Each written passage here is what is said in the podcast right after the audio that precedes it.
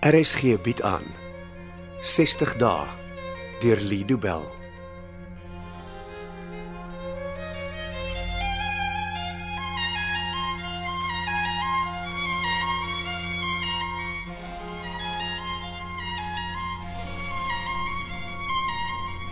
Jy sê ernstigie. Het jy dan nie op die internet gelees nie? Ek is 'n privaat speler, natuurlik weet ek daarvan. Die storie was op die TV ook. Dan verstaan jy. Hm, ek het gedink is weer 'n spul joernaliste wat 'n storie opblaas. Hulle sê mos op die internet, jy moet oppas, 'n storie is nie net clickbait nie. Waarvan praat jy, Dennis? Dis 'n storie wat hulle meer belangrik laat klink, sodat jy op kan klik en dit kan lees. En dan maak hulle geld uit die advertensies. Ja, Jy maak my altyd bang om iets op die internet te wil doen. Hm, dis hoe dit moet wees. Jou hare sal uitval as ek eers vertel van alles wat mense op op die internet kan sien en doen. Los dit maar vir 'n ander dag. Van nou moet ek op Susan se lese saak konsentreer. Jy weet daar's foto's op die net, né, Van Susan. van die motor. Hoekom sal daar sulke foto's wees? Hm, Dis die nag van die ongeluk geneem. Is dit die polisie se foto's? Nee, is 'n amateur. Almal het vandag mos self hou. Hm, Hoe erg is dit? Dit wys die voorkant van die motor. Na die ongeluk. Ja, is bloed oral. En hierdie foto's is vrylik beskikbaar. Hm, sê Ali. Wat nog? Daar's foto's van wat oorgebly het van die fiets. Lyk dit sleg. Die foto's van die bloed op die kar is wat teen Susan gaan deel. Ek twyfel dit sal die uitkoms van haar saak beïnvloed, maar mens weet nooit nie. Daar's iemand wat foto's geneem het kort na die ongeluk. Nou hy is die persoon wat ek moet opspoor.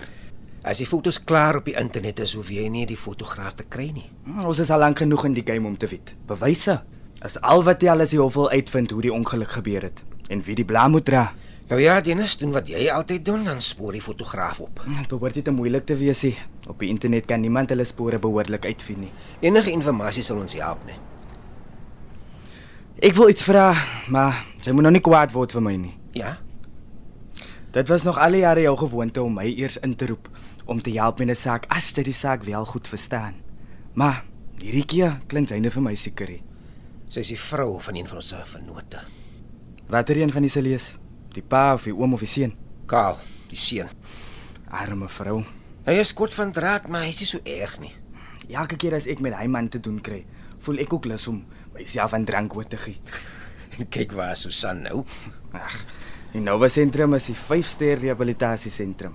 Dis soos 'n spa. Ek dink dit voel vir Susan soos 'n vakansie nie. Sy weet dit sal nie weekie. Wat?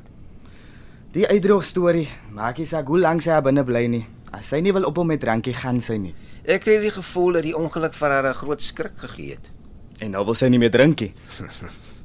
As hy hof nie as 'n paroolvoorwaarde daarop aangedring het dat sy na 'n rehabilitasiesentrum gaan nie, sou sy alself in elke geval ingeboek het. Hoeveel het sy vir jou van die ongeluk vertel? Niks nie. Hm, ek dink sy is 'n prokureur. Ek is ja. Nou hoekom weet jy so min? Ek sy kan nie onthou nie. Dit was 'n blackout. Susan onthou nou niks oor wat voor, gedurende en na die ongeluk gebeur het nie. Dis onmoontlik om vir haar te verdedig. Jy vertel my nie nou iets wat ek nie weet nie. Hoe kan ek help? Enige versagtende omstandigheid sal help. Vind soveel uit as wat jy kan oor wat Sondag gebeur het. Hm, hoeveel tyd het ons? Ek het gevra vir 60 dae voor die verhoor begin. Hm, waar trek ons nou? Dag 3. Hierdie saak gaan vinnig baie moeilik word. Wat wil jy weet? As ek haar gaan verdedig, moet ek Susan se lewe beter ken as wat sy haarself ken.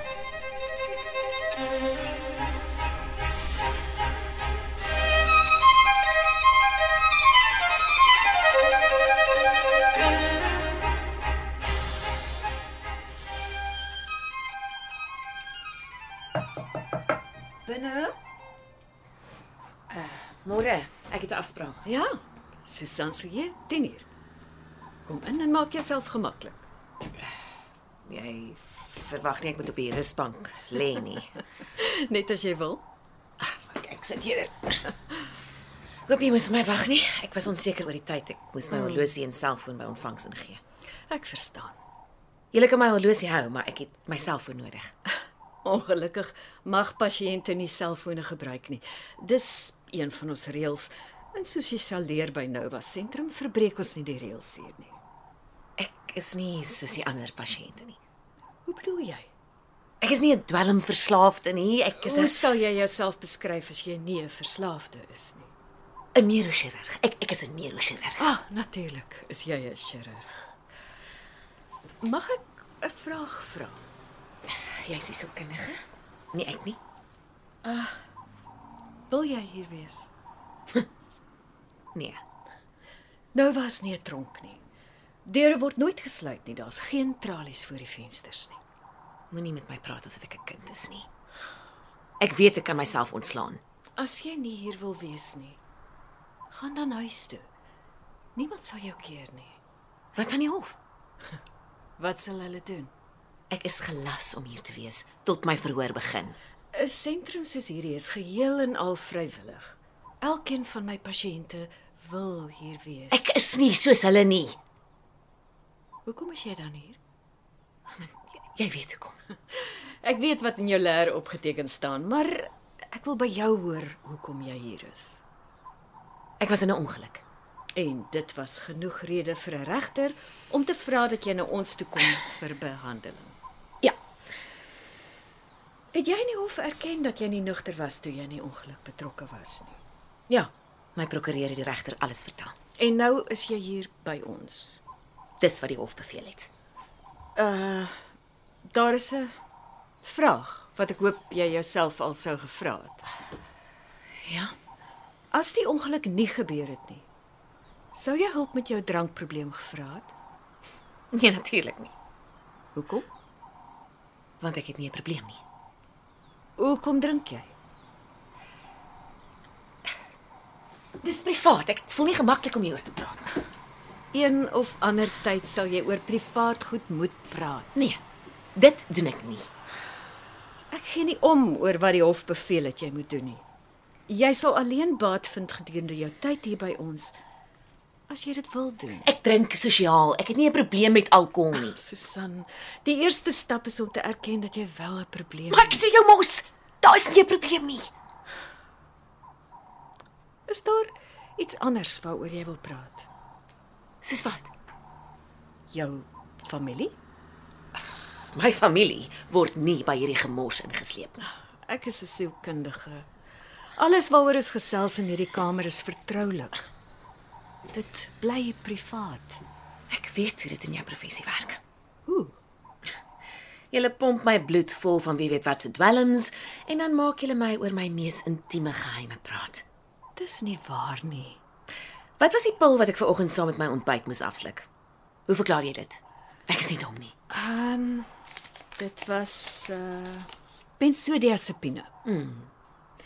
Julle skryf dit gewoonlik vir neurotiese pasiënte of mense wat afwykende gedrag toon voor. Ja, Is dit wat jy van my dink? Neuroties, afwykend. jy is halfpad deur jou eerste 24 uur sonder drank. Oh, jy hoef my nie te herinner nie. Jy gaan erge hoofpyne kry, dalk naarvoel en jy sal baie wil slaap. Dis alles normaal. Hierdie is algemene simptome. Nou hoekom dan so sterk pil voorskryf? Want jy mag dalk ook skielik sterk gevoelens van angs en disassosiasie ondervind. Die pil sal daarmee help. Dit sal alles net 'n bietjie makliker maak. Die pil is ook hoogs verslawend. Hoekom sou 'n sentrum vir rehabilitasie so iets voorskryf? Dit is maklik om aan benzodiazepine verslaaf te raak en daarom monitor ons deeglik die gebruik van enige medisyne gedurende rehabilitasie. Ek vind dit net vreemd dat 'n dwelm voorgeskryf word waaraan pasiënte verslaaf kan raak. Ons monitor en beheer alle medikasie, Susan. Jy hoef jou nie daaroor te bekommer nie. Gebruik jou tyd hier om gesond te word. Ek is nie siek nie. Alkoholisme is 'n siekte. Ek is nie 'n alkoholist nie. Hoeveel drink jy? Dis privaat. Jy drink elke dag, nie waar nie? Wat daarvan? Ek is in beheer van my inname. As jy meer as 3 drankies 'n dag drink, kan jy offisieel as 'n alkolikus beskryf word. Dan is baie mense wat ek ken alkoholiste. Ja, dis 'n groot sosiale probleem en dit vererger by die dag. Ag, jy oordryf. Ek wens jy was reg, maar die getal mense wat aan alkohol verslaaf is, word wêreldwyd onderskat. Hoekom het jy Sondag aand besluit om dronk agter die stuurwiel van jou motor te klim? Sondag aand is 'n bietjie vaag. Ek onthou nie eens veel nie. Kan jy onthou hoe jy gevoel het? Ek was verveeld. Ek het verlang. Hmm. Dit was 'n jaareindfunksie vir my man se firma. Dit klink nie of jy dit geniet het nie. 'n Groep prokureurs wat mekaar gelukwens vir die klomp geld wat hulle hierdie jaar gemaak het, is iets wat net hulle kan geniet. Nou weet jy verlang. Wat? Jy het gesê jy het verlang. Dit het geklink asof jy na iemand verlang het. Nee, hierdie onderhoud is op 'n einde. Ons het nooit hiernatoe gekom nie. Ek het nie hulp nodig nie.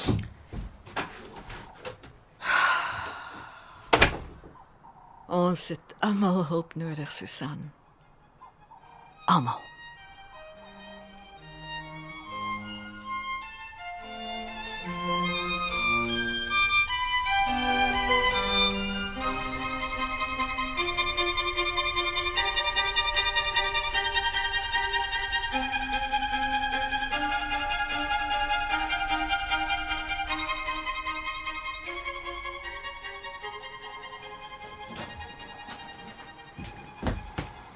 Wat soek jy in my kamer?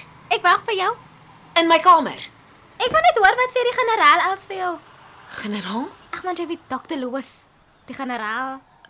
wat ek en Magda vir mekaar sê is privaat. Mag jy vir Magda Magda sê omdat jy ook 'n dokter is. Ek weet nie, ek noem almal op hulle naam.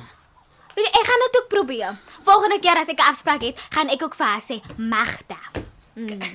Klim van my bed af. Hierdie is 'n privaat kamer. Jy kan nie in en uit soos jy wil nie. Julle nou vir wat byt jy nou my kop af? Ek probeer net om vriendelik te wees. Want jy irriteer my. Alles alles irriteer my. Okay, ek verstaan.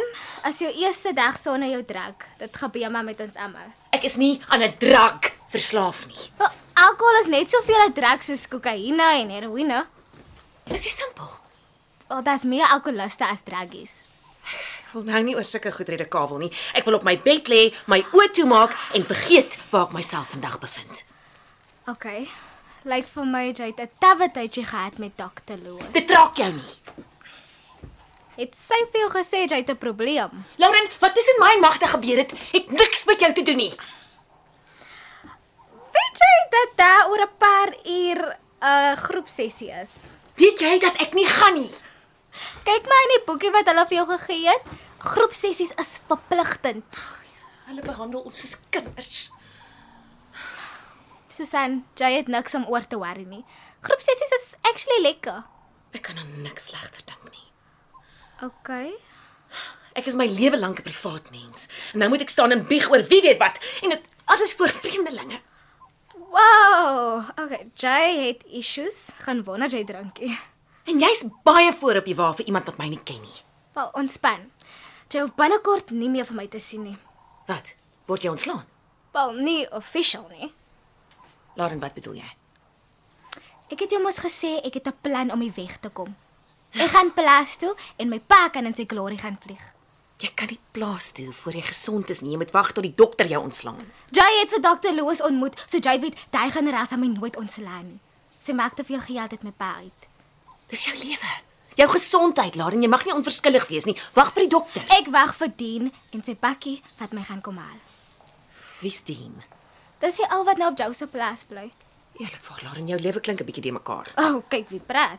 En wat maak jy as hierdie dien vent een aand hier buite vir jou staan en toet? Dan pak ek my sakkies en ek hardloop na hom toe. Dis nie 'n plan nie, Lauren. Wel, dis bittere as om in die tronk te gaan sit soos jy, Susan. Dit was 60 dae deur Lido Bell.